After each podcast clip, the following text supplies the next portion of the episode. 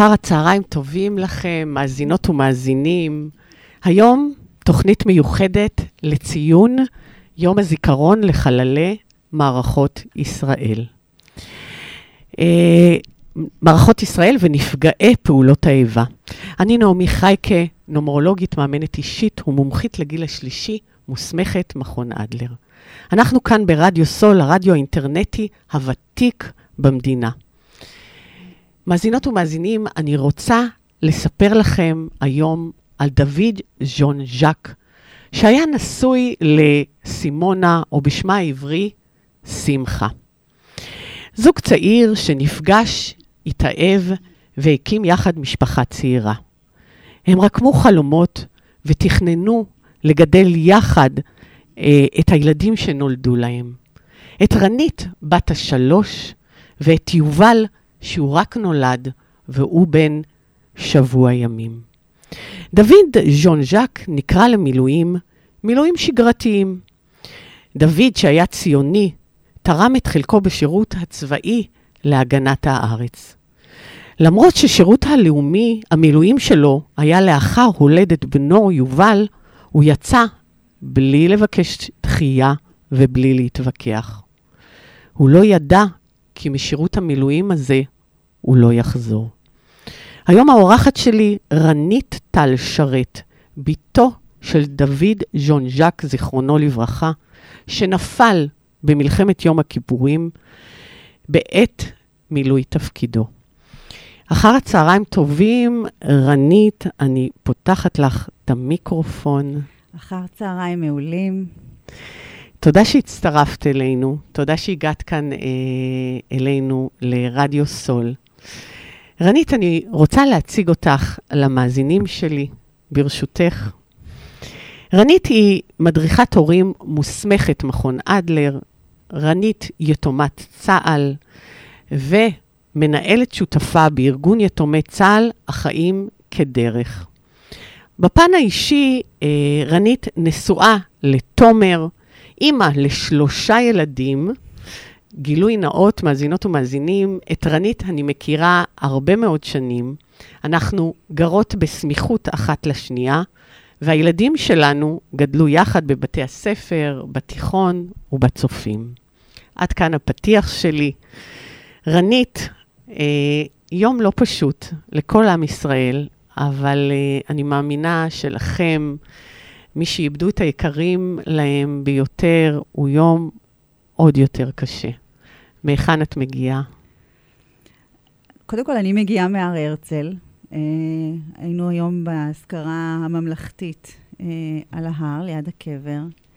אה, וללא ספק, זה אחד הימים היותר מורכבים מבחינתי, והיום עוד יותר, אה, כי באמת אה, שמחות ועצב אה, שלובים אחד בשני. והיום יצא שאני גם חוגגת את יום ההולדת שלי. נכון. Uh, ואנשים, uh, כשהם מתקשרים לברך, אז הם באמת קצת נבוכים, והם לא יודעים לברך, לא לברך, לחכות לערב. אז, אז באמת, אני רגילה לזה, כי אני, אני רגילה להיות במקום הזה של יתמות. אז אני מחבקת את שני, את שני המצבים האלו, גם את השמחה וגם את העצב. והיום כשהייתי על, ה, על ההר, על ההר הרצל, אה, ביני לביני דיברתי עם אבא שלי, ואני שמעתי אותו מאחל לי, אה, וקורא לי פופה, אה, שזה בובה בצרפתית, ואני מרגישה שהוא איתי, למרות שכבר חמישים שנה הוא לא. הוא לא. אז תראי, אנחנו נכיר היום גם את, את אביך, אבל נכיר גם אותך. ואת הפעילות המבורכת שלך, אה, שאת עושה אה, עם שותפות לאחרונה. אז בואי באמת נתחיל אה, לספר על אבא. בואי תספרי לנו את סיפור נפילתו של אביך. אני התחלתי בזה שאבא יצא אה, למילואים לאחר הולדת אה, אחיך, יובל, שהיה רק בן שבוע ימים. ו... הוא יצא יום אחרי ברית המילה שלו. יום אחרי, כן. והוא עזב אישה צעירה בבית, ילדה בת שלוש ותינוק אה, קטן, לשירות מילואים רגיל. נכון. היה שנת 73, נכון? נכון. אה, ערב יום הכיפורים, זומן לשירות מילואים ויצא בלי להתווכח, אה, אה, וספרי לנו מה קרה אה, בשירות המילואים. אמ, אז כמו שאמרת, אבא שלי יצא לשירות מילואים סטנדרטי לחלוטין. באותה תקופה היה דיבור על זה שכל אלו שיוצאים אה, לאזור אה, סיני, לאזור המפרץ סואץ, המיתלה, אה, הם משלבים גם אה, חוויות אה, מעבר לחוויות של מילואים של חיילים רגילים. אה, הם, אה, הם אה, עסקו ב... אבא שלי ניגן, אז הוא ניגן שם, ולפעמים גם דגו דגים, והכל היה מאוד פסטורלי. הנוף הוא פסטורלי. ואז באמת, בשישי לאוקטובר, בשעה שתיים... רגע, אבל אני רוצה להזכיר שלפני כן היה גם מצב שביקשו, אבא שלך היה צריך לצאת לחופשה, נכון? נכון. וביקשו ממנו להחליף, נכון. אה, אז תספרי לנו את הסיפור. אבא שלי, כמו, הוא היה כבר אה, לדעתי מעל שבועיים בשירות, או אולי אפילו שלושה, אה, וכנהוג, יוצאים אה, לחופשות אחת ל... והוא היה אמור לצאת ביום כיפור, ואחד החברים שלו, שהיה שומר מצוות, ביקש ממנו להתחלף בחופשות, שאבא שלי יישאר את יום הכיפורים, ויצא הביתה בסוכות. אה, וככה היה דיון בבית, זה סיפור שגם הוא עבר לי בהמשך, גם מאימא שלי, גם מדודה שלי. היה דיון בבית מתי יותר נכון שהוא יצא עם ילדים קטנים, ככה אפשר לצאת לטייל, וביום כיפור אי אפשר. התקבלה החלטה שהוא יישאר. Uh, לימים uh, התברר לנו שאותו אחד uh, uh, שהחליף uh, uh, עם אבא שלי את אותה משמרת, uh, שירת, אה, הוא נקרא למילואים באזור הבקעה, ולצערנו הרב שמענו שהוא נהרג בתאונת דרכים בדרך לאותן מילואים. שגם הוא נהרג. שגם הוא נהרג, אה, כן. הדם של החללים ספוג ב, באדמה של המדינה שלנו. לחלוטין. באיזה קרב אבא השתתף? זה לא היה קרב, זה בעצם היה אה, אה, התחלת המלחמה, אה, ההפתעה אה, שבחזית המצרית, כמו בחזית הצפונית, אה, נפתחה עליהם אש ארטילריה נוראית אה, בשעה שתיים בצהריים ביום הכיפורים. ואבא שלי, שהיה בבונקר, והוא היה מוכשר ללחום על המרגמה, קפץ לאייש ולעזור למי שישב שם כבר באותה עמדה, ושניהם מצאו את מותם בהפגזה הזו. אמ, אבא שלי עוד הספיק אה, לקרוא בקשר, נפגענו, נפגענו, אה, וכשהחובש הגיע, אה, עוד אבא שלי היה בין חיים למוות, אבל בסופו של דבר הוא גם קבע את מותו. באיזה יחידה הוא שירת? הוא היה בחטיבה הירושלמית, בגדוד שנקרא גדוד 68. וזה גדוד האמת שחיבק אותנו לאורך השנים כילדה. אני זוכרת גם את החברים בגדוד, את המפקדים, את הקייטנות שהם עשו לנו כל קיץ. זה, זה גדוד מאוד משמעות, כשאנחנו מדברים בבית על המילה הזו, גדוד 68, מתרחב לנו הלב, באמת. גם בחוויות שהם אה, השאירו אותנו בטיולים, בל"ג בעומרים, בחגים, ב... וגם באחווה שהם שידרו לנו במהלך התקופת, בעיקר בילדות. זה חשוב מאוד לתחושת השייכות. לחלוטין. אבל אבא לא נקבר אה, נכון. ישר אחרי מותו. ישר אחרי, בוא, בוא, בוא נגדיר זאת כך. אה, המעוז של אבא, שנקרא מעוז לחצנית, כל, כל הלוחמים שם, או שנהרגו, או שנשבו בשבי המצרי. ורק כשהחזירו את השבויים ממצרים, שזה היה אחרי כמה וכמה חודשים, קיבלנו את העדות שבעצם אבא שלי נהרג, ואז הוא הוגדר או הוכרז כחלל שמקום קבורתו אינו ידוע. את הלוויה שלו, אה, אני אפילו זוכרת, אמנם לא לקחו אותי ללוויה כי עדיין הייתי ילדה קטנה, אבל אני זוכרת אה, כ- כ- כילדה בכיתה ב'. זאת אומרת, היית בת שלוש כשהוא נהרג, נכון. והוא נקבר אחרי כמעט חמש, אה, שנים, חמש שנים. נכון, כשסעדת אה, הנשיא מצרים הגיעה לארץ. אה, במסגרת השיחות, גם הוחזרו כל אותם אה, חללים שנשארו בשטח המצרי. כי הם אה, אה, נקברו על ידי המצרים או על ידי, על ידי החיילים שלנו? אז זהו, אז הרי השטחים האלה בסופו של דבר נכבשו בחזרה על ידי ישראל, הם לא היו שם. הצבא המצרי לקח את אותם uh, חללים, uh, ואני לא רוצה uh, עכשיו להיכנס למשאים ומתנים על, על, על, על גופות, אבל היה שם איזשהו משא ומתן ש... ש... שהתארך, ומי כמונו יודעות את זה, גם היום אה, אה, משאים ומתנים כאלה מתרחשים, או לא? כן. אה, ולקח זמן, ורק אחרי חמש שנים, באמת במסגרת המשא ומתן לשלום עם מצרים, רק אז הוחזרו כל אותם uh, חללים, ובאמת ה, אותם uh, חברים של אבא שלי ואבא שלי לא קבורים ב, ב, בגוש של uh, מלחמת יום כיפור, הם קבורים כבר ב, בתאריכים מתקדמים יותר, של שנת 76 ו-77 ו-78. זאת אומרת, חמש שנים לאחר מכן. נכון. את כבר היית ילדה בת, בכיתה ב', ילדה בת 6-7, זו ילדה אה, כבר הרבה יותר בוגרת, יותר מבינה. נכון. מה את זוכרת מהתקופה שאבא אה, היה אמור אה, אה, להגיע ולהיקבר? כי עד, עד אז לא היה לכם קבר לפקוד אותו. לא היה לנו קבר לפקוד אותו, אנחנו עברנו, אני חושבת שאת זה אני לא זוכרת, אבל אני יודעת שהייתה שבעה מקוצרת. Uh, בזמנו הרב uh, יוסף uh, הכריז על כל אותן אלמנות שהיו עד אז עגונות כאלמנות, והייתה שבעה, שאותה אני באמת לא זוכרת. אחרי חמש שנים, בעצם לכאורה החזירו אותנו אחורה. כל התהליך שעברנו מבחינת אה, תהליך רגשי, להגיע לסוג של השלמה. לעבור את הכאב ואת הצער ואת, ה, ואת ההכחשה ואת הכעס והכל, ועד עד, עד שאנחנו מגיעים לשלב ההשלמה, אנחנו כבר היינו שם. ופתאום לחזור חזרה אחורה. Uh, ואני זוכרת את זה, שוב פעם, זו תקופה שפחות דיברו איתנו הילדים, בטח לא בגובה העיניים, בטח לא כמו שהיום אנחנו מלמדים ועושים עם הילדים שלנו. אמ, זה הכל ריחף מעל הראש. אה, והדיבור הזה של מחזירים את ג'ון ז'אק, מחזירים את דוד, מחזירים אותו לישראל.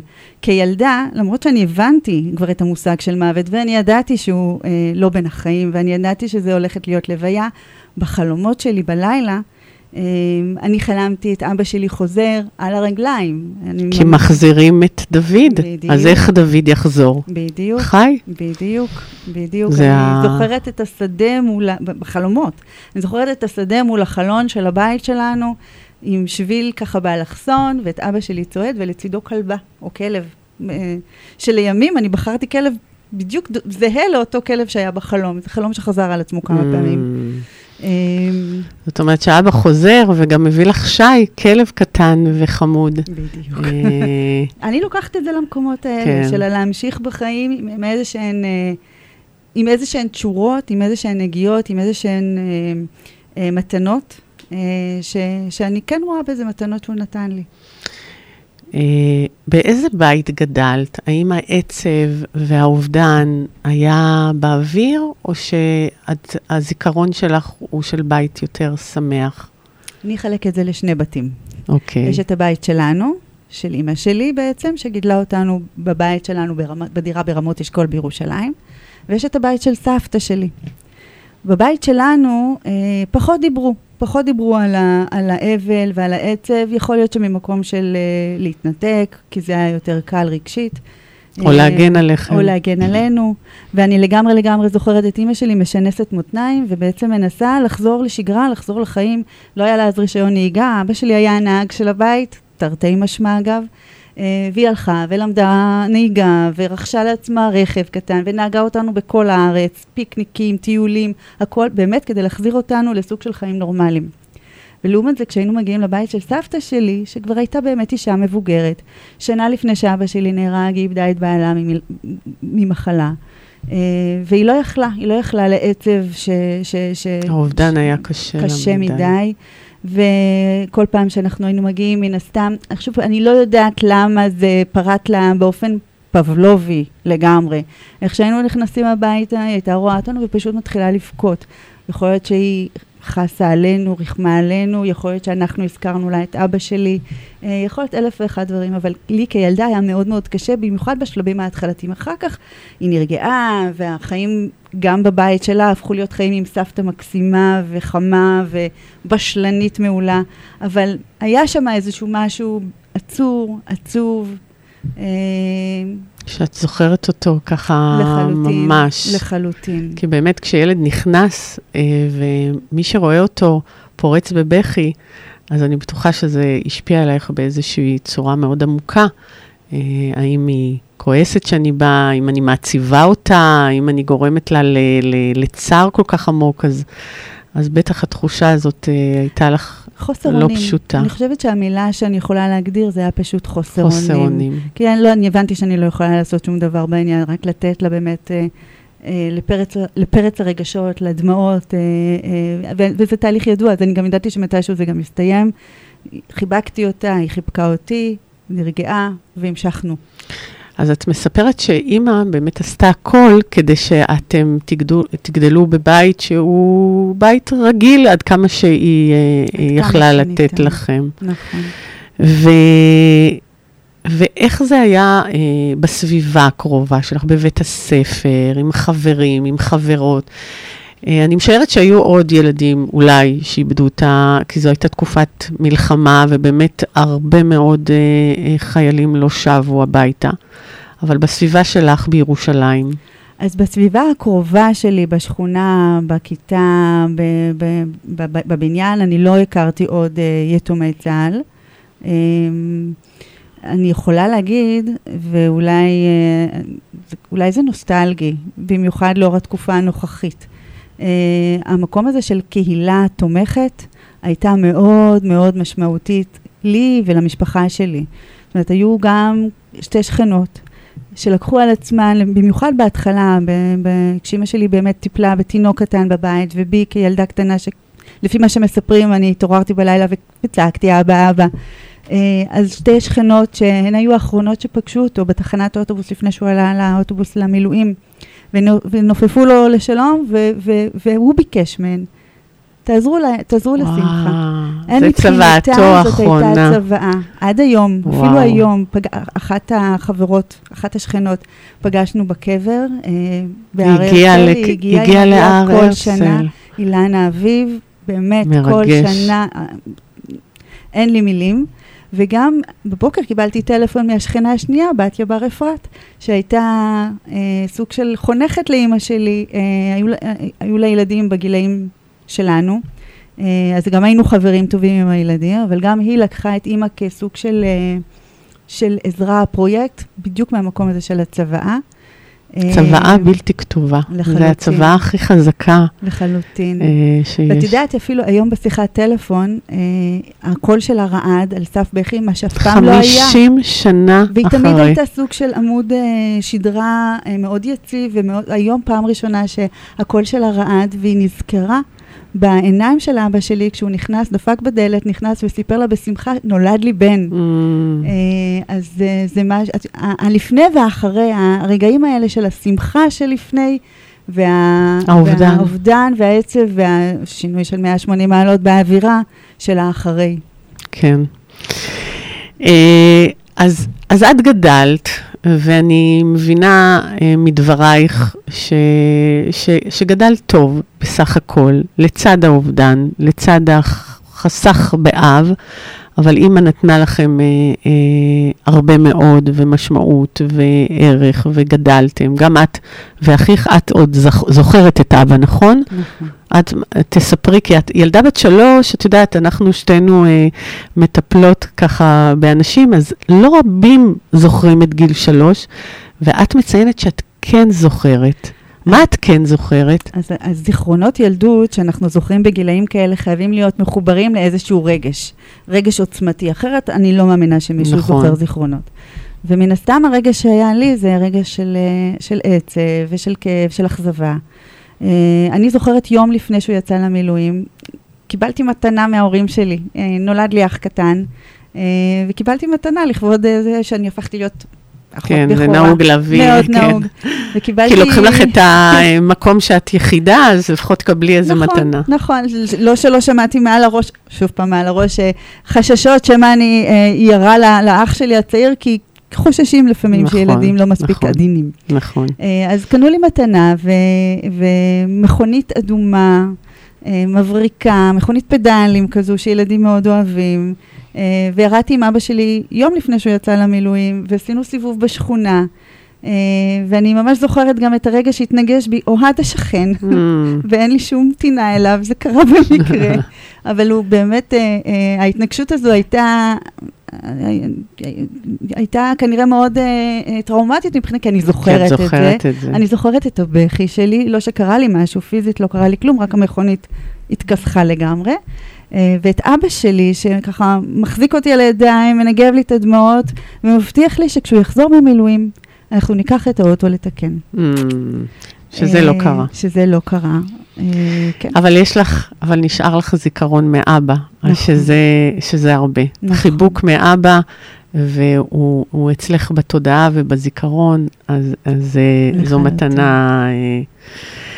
ואת גדלת והקמת בעצמך אה, משפחה, אני יכולה להעיד אה, משפחה לתפארת, אה, טפו טפו. טפו טפו.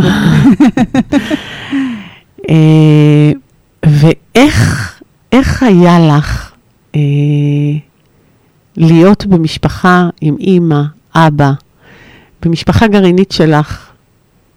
איך זה לרנית הקטנה, אותה ילדה, אה, לפתוח משפחה משלה, ו- ו- ושהילדים קוראים לה תומר, אבא, בבית, הצליל הזה. אז קודם כל זה באמת אה, לראשונה, אה, השם אבא בבית שלי, במשפחה שלי, אה, אה, נאמר אה, בפה מלא. המילה הראשונה בעצם, של כולם, של שלושת ילדיי, זו הייתה המילה אבא. אה, זה לא פשוט. אני יכולה להגיד שמבחינתי, הקושי העיקרי היה בסגנון ההורי, שלקחתי על עצמי, לפחות בשנים הראשונות, להיותי אימא צעירה. אה, סביר להניח שזה בעקבות אותה ילדה קטנה שהייתה בי אז, אה, אה, מגיל שלוש וחצי. את, את מדברת על, על, אה, על דאגה חרדה. וחרד... אה, חרדה. את מגדירה את זה ממש חרדה. חרדה, ואני חושבת שאני אה, אה, לבשתי בתחילת דרכי כאימא, אה, סגנון הורי שנקרא חסות יתר. אה, שבעיקר בהיבט הפיזי, בעיקר בפן הפיזי. זאת אומרת, אני הלכתי עם יואב לגן השעשועים, והוא היה על, ה, על המגלשה, ואני, הלב, ש- אני ממש זוכרת את דפיקות הלב שלי, שחלילה לא ייפול, שחלילה לא יקרה לו משהו. הגוננות יתר על לעטוף בצמר גפן, זה, זה היה משהו שמאוד אה, הגדיר אותי. מהמם. אה, מזל שהיה גם את תומר בדרך, שזה בן זוגי, אה, שידע לאזן את זה, ובאיזשהו שלב הבנו שזה לא יעבוד, כי אני לא יכולה להתגבר על זה לבד, ובאמת הלכנו להדרכה הורית כדי ללמוד איך לשחרר ואיך אה, לתת לכל ילד את המסלול שלו, ולא לעטוף יותר מדי, וכמה זה מונע וכמה זה קוצץ את הכנפיים שלהם. אה, אבל, אבל זה משהו שאני בטוחה, אני יודעת, שזה, שלקחתי את זה ממקום של השכול. השכול מלווה אותי לאורך כל תחנות חיי, ובטח ובטח בעוצמות אדירות, גם בהורות שלי. לימים, לימים החלטת להיות, אה, אחרי שאת עברת אה, הדרכת הורים, אה, החלטת לעבור תהליך ולהיות בעצמך מדריכת הורים. נכון. את חושבת ש, שבחרת בזה בעקבות האובדן והשכול? אני חושבת שבחרתי בזה בעקבות uh, המשפחה הגרעינית שבה גדלתי, שכל כך uh, התפרקה, uh, נפגעה, uh, נפצעה. Uh, uh, uh, המקום הזה של לשקם את זה, לשקם את המקום הזה של המשפחה, uh, ובהמשך uh, uh, להיות הורה טוב, להיות, להיות אימא מספיק טובה, good enough mother, מהמם. זה המקום ש, שככה לקח אותי אה, אה, למכון אדלר, ולאט לאט האסימונים נפלו. לאט לאט ההבנה של האיזונים, של האמצע, שלא צריך להיות בקיצוניות, לא לכאן ולא לכאן, של, של להיות קשובה, להיות מכילה, אה, להסתכל בעיניים. אה, אלה דברים שהם אה, לגמרי לגמרי אה, ישבו לי טוב. אה, ופשוט הלבשנו לזה קצת תיאוריה והלבשנו לזה קצת אה, מילים חכמות כדי שבאמת אני אוכל להעביר את זה הלאה. אבל זה לגמרי היה מובן לי והתחבר לי מצוין. את היום אה, כמדריכת הורים, אה, כשאת נתקלת אה, במשפחות שעובדים, שעוברים אובדן, אם זה אובדן בעקבות פיגוע, מלחמה, או בכלל כשיש אובדן במשפחה ויש ילדים צעירים. יש לך המלצה ככה הכי חשובה שאת חושבת לאותם הורים, לאותה אימא או אבא? את רוצה אחרי שנצא לשיר? יאללה. יאללה.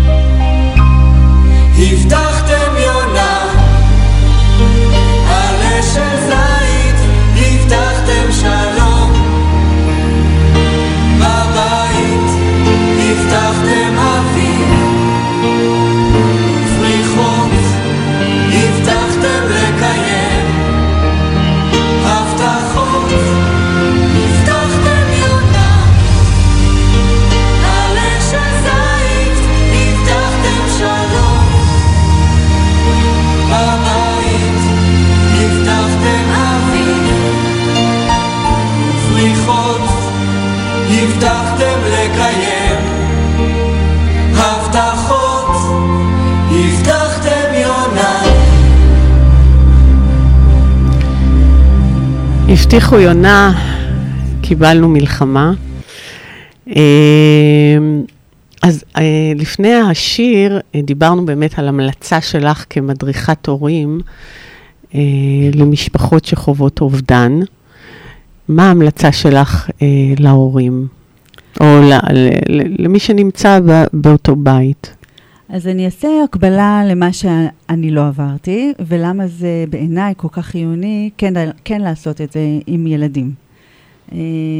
איתי אף אחד לא דיבר, גם אף אחד לא הסתכל לי בעיניים ואמר לי במפורשות, אבא שלך נהרג, הוא מת, הוא לא יחזור. ואני חושבת שזה משפט, כמה שהוא נשמע לנו נורא כהורים, הדבר האחרון שאנחנו רוצים להגיד את זה לילדים, זה הדבר הנכון לעשות. את האמת. את האמת. אני יכולה לספר לך, וזה אה, עד, אה, עד לגיל חמש-שש, כשאמרתי שהייתי מתעוררת בלילה וקוראת אבא אבא, זה בגלל שאף אחד לא דיבר איתי, ומן הסתם לא נתן לי מקום לפרוק את הרגשות שלי ואת החששות שלי ומה אני חושבת על זה. ילדה בת שלוש, ארבע, חמש, עוד לא ממש מבינה את מושג המוות. זה בא לי בחלומות, בסיוטי לילה. Uh, ואפשר לעדן את ה...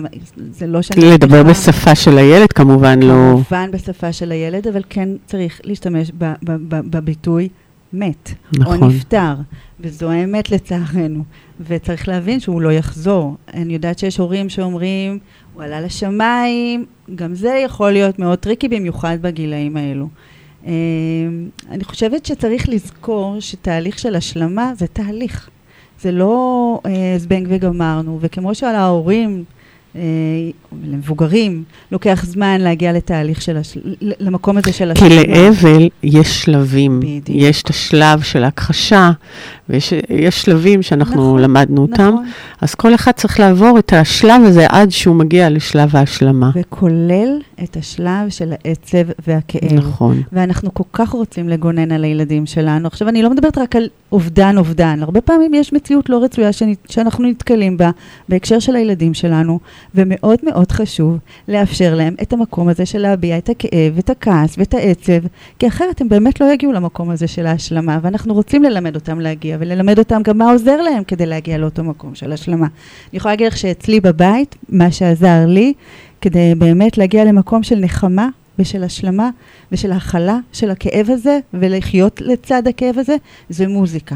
הבית שלי מעולם, כל פעם שהייתי נכנסת הביתה, תמיד היה איזשהו משהו... הבית של אימא או של... הבית שלך? של אימא. של אימא. גם בבית שלי הקניתי את זה לילדים, תודה לאל, אפילו יותר, יואב ממש וירטואוז בנגינה, אה, אבל, אבל העניין הוא שיהיה מוזיקה, שתהיה אווירה. אווירה של בית זה משהו שהוא מאוד חשוב. אצלי בבית, בבית כילדה, אה, המוזיקה נכחה מאוד, אה, בין אם תקליטים שעוד אבא שלי הספיק לקנות, שירים בצרפתית, ג'אק ברל, שיר, אה, מוזיקה קלאסית, ובהמשך אני אפילו רכשתי, אני זוכרת את עצמי כבר לדעתי מגיל 7-8, כבר רוכשת בעצמי את התקליטים, כדי ש... וכל הזמן, כל הזמן התנגנה בבית מוזיקה.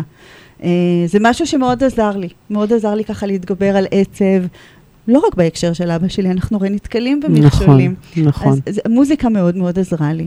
אה, אז אז במשפחות אני הייתי ממליצה, בואו תראו עם הילד מה עוזר. יש כאלה שאומנות עוזרת להם, יש כאלה שחברים, אה, יש כאלה שלתרום. אה, תרומה אנחנו לקהילה, אנחנו יודעים שתרומה כן. לקהילה, התורם הוא בעצם גם הנתרם. נתרם. וזה משהו שמאוד משמעותי ועוזר. נכון. אה, אז אימא באמת, אימא שלך גם נפטרה, זיכרונה לברכה.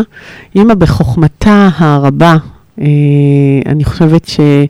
אה, באופן אינטואיטיבי אולי לא, לא למדה את זה, וגם אז לא קיבלו כל כך אה, עזרה פסיכולוגית, אני לא יודעת עד כמה היא קיבלה, אבל ב, ברגש שלה הבינה שלגדל ילדים מאושרים וילדים בבית שיש מוזיקה, זה, זה נותן אווירה, ו, והנה, אה, איך את זוכרת את זה נכון. בשמחה. נכון.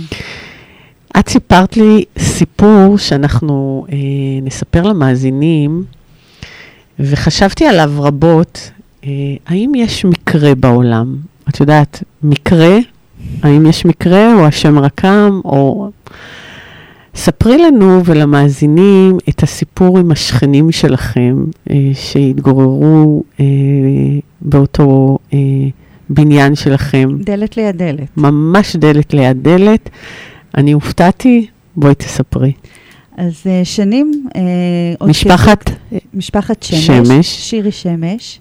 אה, הייתה שכנתי היקרה דלת ליד דלת אה, במשך שבע או שמונה שנים. אה, גידלנו ביחד, ימי הולדת ביחד, גידלנו את הילדים ביחד, אה, לצאת החוצה עם זה העגלות. לפני שעברת לגור לידינו. נכון. זה בא. נכון. ו- וזה היה המחנה המשותף בינינו, הילדים, הבית, הבניין, איזה בית ספר. לפני שנתיים בערך, אה, כשהיינו בהר הרצל, יצאנו הפעם מהיציאה השנייה, אני לא יודעת למה, כך יצא. יצאנו מיציאה אחרת שלא נהגנו בדרך כלל לצאת, ופתאום אנחנו פוגשים את, אה, את אותם שכנים. מה אתם עושים פה? ומה אתם עושים פה? אה, בדוחק וב, ובבלגן אמרנו, אני הבת של דוד טל, הוא קבור שם. היא הלכה ודיברה עם אימא שלה. וחצי שעה אחרי זה קיבלתי שיחת טלפון משירי. את לא מאמינה.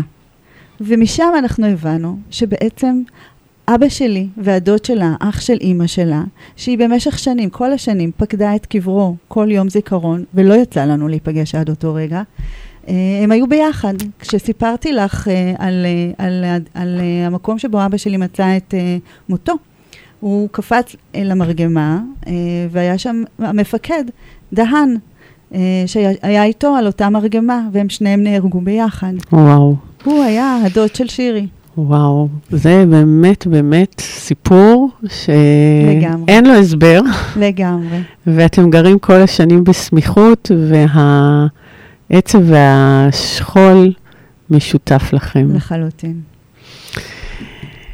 יש מקרה? לא יודעת. אה, את אה, וחברותייך, אה, שתכף את תזכירי אותם בטח, הקמתם אה, מיזם מאוד מאוד חשוב שאנחנו נרצה מאוד לשמוע עליו. אז בואי תספרי לנו מה הקמתם ולמה הקמתם אותו. אז אני לא יודעת אם אנשים יודעים, אבל יתומי צה"ל, ברגע שהם מגיעים לגיל 21, הם כבר לא נחשבים יתומי צה"ל מבחינתה של המדינה. זאת אומרת, יש חוק משנת 1953, אני חושבת, אה, שיכול להיות שהיה נכון לאותם ימים, היום אנחנו כבר בתקופה אחרת, אה, והחוק היבש, אפילו, לא רק שאנחנו לא נחשבים משפחה שכולה, אנחנו אפילו לא נחשבים קרבת דם, קרבה ראשונה לחלל. זאת אומרת, מגיל 21 אני כבר לא הבת של אבא שלי. עד כמה שזה נשמע הזוי. מהמם. אה, אצלי, באבלות שלי, בשכול שלי, יש, היו עליות ומורדות. כשתקופה מסוימת אני אפילו נמנעתי אה, מלהזכר את זה שאני יתומת צה"ל. אני המשכתי בחיי, בניתי אה, את כל המעגלים שלי, גם, גם המשפחתי החדש, גם הקריירה. אה, ובאיזשהו שלב, אה, סביב גיל 40, שכנראה זה גיל שאנשים עוברים עם עצמם תהליכים, אה, הרגשתי שמשהו משהו לא הגיוני, משהו לא בסדר. אה, ולא ידעתי לנסח את זה במילים. וקיבלתי שיחת טלפון מחברה יקרה, שקוראים לה מיכל טלקר דיין, אה, שהיא יתומת צה"ל גם, אה, והיא ועוד חברים הקימו עמותה, או בזמנו זה עוד היה רק קהילת פייסבוק, שנקראת החיים כדרך. בהמשך הצטרפה גם רות משט, שהיא יתומת צה"ל גם ממלחמת יום כיפור. וביחד הן שתיהן הובילו וניהלו גם את אותה קהילת פייסבוק. ולפני שנתיים הם הציעו לי להצטרף אליהם כמייסדת, ובהמשך גם להצטרף לוועד המנהל של עמותה שקמה, אה, עמותה לכל דבר, שנקראת אה, עמותת יתומי צה"ל הבוגרים, החיים כדרך. אה, והמטרה של העמותה הזו זה קודם כל לתת קול לאותם יתומי צה"ל. יש סדר גודל של 12,000 יתומים. שלא נחשבים יתומי צה"ל, שהם לא ש- נחשבים משפחה שכולה. לאיזה מענה אה, את חושבת שהם הם זקוקים ואין להם? כלכלי. כספי, או יש. שיותר מזה? בואו נתחיל כך. מסע חייו של אדם מתחיל במשפחתו הגרעינית. שם הוא מגדל, אה, אה, מתפתח, אה, מעצים את עצמו, אה, הופך להיות אדם בוגר, אחראי, עם תחושת ערך עצמית טובה. נכון. כשאתה גר, או כשאתה גדל במשפחה שנפגעה והיא נשברה והתרסקה לאור השכול, הסבירות שתגיע למקום הזה היא קטנה יותר, ויש לא מעט יתומי צה"ל, לא, לא, לא כולם כמובן, אבל יש לא מעט יתומי צה"ל שאיכשהו באיזשהו מעגל בחיים שלהם, בין אם בקריירה, בין אם בזוגיות, לא מצאו את הדרך שלהם, וזה לא סתם. ולמדינה לא, לא היה, ועדיין, אין מענה לזה. אף אחד לא תומך, אף אחד לא מרים את הדגלים, אף- לא עשו על זה מחקרים, שזה בכלל הזוי בעיניי. זאת אומרת, אין להם מקום לפנות ול, ולבקש מזור. לחלוטין. אנחנו נגרעים מהמערכות הממוחשבות של משרד הביטחון כשאנחנו מגיעים לגיל 30, שאז כל הזכויות שעוד היו לנו בין 21 ל-30 גם כן פגות תוקף. אה, וזהו, ואנחנו ברשות עצמנו. אה, והבנו שיש פה חוסר, והבנו שיש פה חוסר גם בידע וגם לקונה, בתמיכה כן. וגם בהכלה. אה, ו- והמקום הזה של, של אותה קהילת פייסבוק ובהמשך העמותה, זה בדיוק המקום ש- שבא לתקן את המצב. גם אנחנו כקהילה, זו קהילה שמורכבת אך ורק מיתומי צה"ל, בהתנדבות, כולם תורמים מ- מהידע שיש להם, מהמקצועות שיש להם, לאחרים. אה, ומעבר לזה, אנחנו גם מובילים את המאבק להכרה ביתומי צה"ל כ- כמשפחה שכולה לכל דבר. צודקים. Uh, היה כאן uh, לא מזמן uh, בחור שדיבר גם על טראומות בעקבות מלחמות. כמה גם כאן אין מספיק הכרה והם גם עוברים תהליך. אז, אז אני חושבת שזה חשוב וצריך באמת להביא את זה לקדמת הבמה. ומישהו צריך uh, לתת את הדעת על כך. אתם uh, מול הכנסת, מול המחוקקים. אנחנו נפגשות עם חברי כנסת מכל המפה הפוליטית. אנחנו לא ארגון פוליטי, אנחנו ארגון שמכיל את כל יתומי צה"ל, משמאל, מימין, דתיים, חילונים, ואנחנו נפגשים עם כל מי שמוכן להיפגש איתנו כדי באמת לנסות לעשות לובי אמיתי וטוב לטובת אותה תיקון חקיקה, לאותו תיקון חקיקה שהוא נראה לי מחויב המציאות, זה לא הגיוני. כן, אני, מעבר לפן הכלכלי, אני חושבת שמטפלים או טיפולים גם, שאולי הם זקוקים. הדבר היחיד שמגיע לנו עד סוף חיינו, זה טיפול אה, פסיכולוגי. זה לפחות כן, אוקיי, כן. זה לפחות כן. כן. אז, אה, אז יופי, אז שיהיה לכם אה, בהצלחה. תודה אה, רבה. אם אה, אה, יש לכם איזה דף, פייסבוק או משהו יש לנו דף שאנשים... פייסבוק, תחפשו בגוגל, אה, אה, ארגון יתומי צה"ל, החיים כדרך. אה, גם, לא שאני, אה, את יודעת, זה, זה המקום היחיד שלדעתי אנשים לא רוצים לצרף אליו חברים, נכון. מטבע הדברים, אבל היה ויש יתומי צה"ל, אה, אנחנו מאוד נשמח שיצטרפו אלינו, וכמובן גם אה, תרומות. יפה. אז כמו שציינת, אה, היום את חוגגת יום הולדת. אכן. אה, אכן כן. אז ראשית, אה, אני באמת רוצה לברך אותך אה, בחיים מאושרים וטובים לצד יקירייך. אה, בריאות זה הדבר הכי חשוב. אה, היום אנחנו לא נדבר נומרולוגיה, זו תוכנית שעוסקת גם בנומרולוגיה, ובדרך כלל אה, אנשים כאן מקבלים קצת אבחון, אבל היום, אה, מפאת קדושתו של היום, אנחנו נעזוב את זה בצד. אבל אני כן אשאל אותך, מה החלום שלך? חוץ מהעמותה. אמ, וואו, שאלה... שאלה, נכון? שאלה, תראי, זה חלום. אה, אתמול אה, שמעתי יתומת צה"ל שדיברה ש, שהחלום שלה זה לקבל חיבוק מאבא. Mm, אז אני לא יכולה להגיד שזה החלום שלי, כי אני מציאותית, אבל לחלוטין המקום הזה של באמת תמיד להיות, אני, אני, אני, אני, אני, אני, קצת מאמינה באמונות טפלות, ואני קצת אה, דופקת על העץ לדפוק, כרגע. כן. אבל אני חושבת שהמקום הזה שאני עטופה בו, גם במשפחה וגם בחברים, ובכלל, אה, אני, אני, אני, אני מרגישה שאני במקום טוב, ושרק יישאר ככה. כן, זה כל כך נכון, זה כל כך נכון. אה, יש לך, אה, חוץ מחלומות, אה, אה, משימות שאת רוצה להגשים, אה, משהו ככה אה, לעתיד. תראי, אני כרגע נמצאת באיזשהו פרויקט אישי שבו מתוכו אני מקווה שבסופו של דבר יצא משהו, משהו חדש וטוב. אני פחות ארצה לפרט עליו כרגע. נדבר איתה, בסדר, אולי אני אביא אותך, את תגיעי שוב לדבר על ה... יש, יש מצב, יש מצב, יש אבל מצב. זה באמת פרויקט שאני מרגישה שאני מתמלאת ממנו ו... יופי. להרגיש משמעותי ובעל ערך עד לרמר, שזה דבר חשוב. אה, אז אנחנו כבר, אה, עוד כמה דקות אנחנו אה, מסיימות. מה חשוב לך ככה להגיד ביום הזה? איזה מסר? היום הזה הוא יום מורכב ברמה הלאומית, במיוחד היום, במיוחד השנה. אנשים באים ומדברים בשם אנשים אחרים.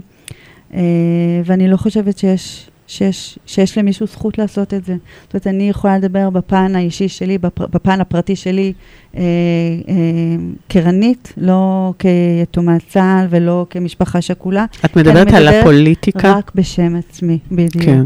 זה באמת, אני חייבת להדגיש, אך ורק בשם עצמי. אה, אני רוצה שיהיה פה אה, שקט. אני רוצה שתהיה פה אה, קהילה, קהילה אמיתית שתומכת בדיוק כמו שהייתה הקהילה שאני גדלתי בה כילדה. אה, אותן שכנות שתמכו באימא שלי, אה, אנשים שבאמת חיבקו ועזרו, ואני חושבת שאפשר לראות את ההבדל אפילו בכבישים. אנשים היום, אה, אה, האגרסיביות באה לידי ביטוי גם בכבישים. רגע, לנשום. אתה לא יודע מה עובר על הנהג בצד השני, או, או, או זה שלידך, או זה שלפניך. לנשום. ת, הוא רוצה להיכנס ב, ב, בנתיב שלך, תאפשר לו. אנחנו, אולי הוא ממש ממהר עכשיו לבית חולים, אולי קרה משהו. זה לא נגדך, זה בעד עצמו. בדיוק כמו שאנחנו אומרים להורים עם ילדים, זה לא נגדך, זה בעד עצמו. פשוט לאפשר לנשום ולהמשיך. וואו, איזה מסר. באמת, באמת, זה מסר כל כך חשוב, לראות אחד את השני. בדיוק. להסתכל אחד לש, לשני בעיניים, להבין שאנחנו כאן עם אחד. תודה רבה לך, אה, רנית טל שרת. תודה שבאת אה, לדבר על אבא, על המקרה שלך, להזכיר אותו. דיברנו ככה לפני השידור, מה חשוב. אמרתי לך, שכל עוד אנחנו מדברים על האדם, אנחנו זוכרים אותו, הוא קיים בתוכנו. נכון. אז היה חשוב uh, uh, שתדברי, ו- ותודה שהגעת. תודה לך, נעמי.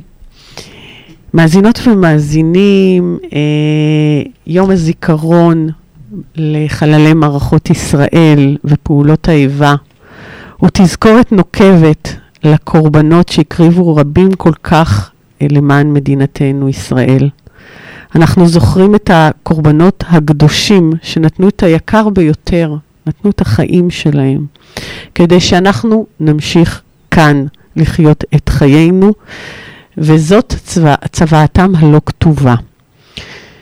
עלינו לעשות, לדעתי, הכל, אבל הכל כדי למנוע אובדן חיים נוסף, לפעול לקראת עתיד שהסכסוך ועוינות מוחלפים בהבנה ובשיתוף פעולה. יחד עם זאת, אני חושבת כי הצורך שלנו להתאחד כעם חזק מתמיד. לא חשוב שמאל, ימין, דתיים, חילונים, אשכנזים, מזרחיים. עלינו להקשיב אחד לשני, לפעול למען חזון משותף, זה בדיוק מה שכאן גם המסר. לא לשכוח, לא לשכוח, מדוע הוקמה המדינה הזאת? מה היה חזונם של האבות המייסדים שהגיעו לכאן? מדינה יהודית, דמוקרטית, כאן בארץ ישראל, בלי פוליטיקה, רק ככה מהלב. כל זאת למען עתיד טוב יותר לכולנו, וכך נוכל לכבד את זכרם של הנופלים הקדושים ולהבטיח שקורבנם לא היה לשווא. יהי זכרם איתנו לעולמי עד. תודה לטכנאי השידור שלי, שוקי אברהם, תודה למשה חייקה מעבר לזכוכית, תודה לך, רנית טל שרת, תודה לכם, מאזינות ומאזינים. אתם מוזמנים לשתף את התוכנית עם מי שאתם חושבים שיועיל לו. התוכנית שלי גם בספוטיפיי, היא עלתה גם בספוטיפיי. המשך שבוע טוב, להתראות בשבוע הבא באותו מקום, באותה שעה.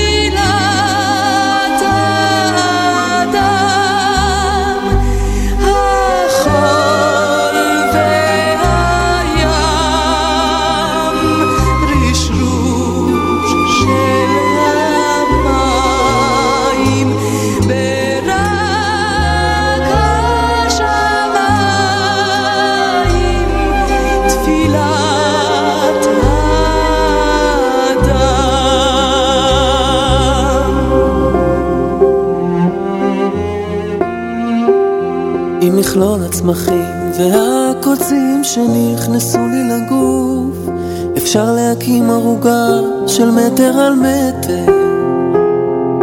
אפשר להקים ערוגה של מטר על מטר. אבל אלו לא סתם קוצים, אלו לא סתם קוצים, אלו קוצי ארץ ישראל. אלו לא סתם קוצים, אלו לא סתם קוצים, אלו קוצי ארץ ישראל.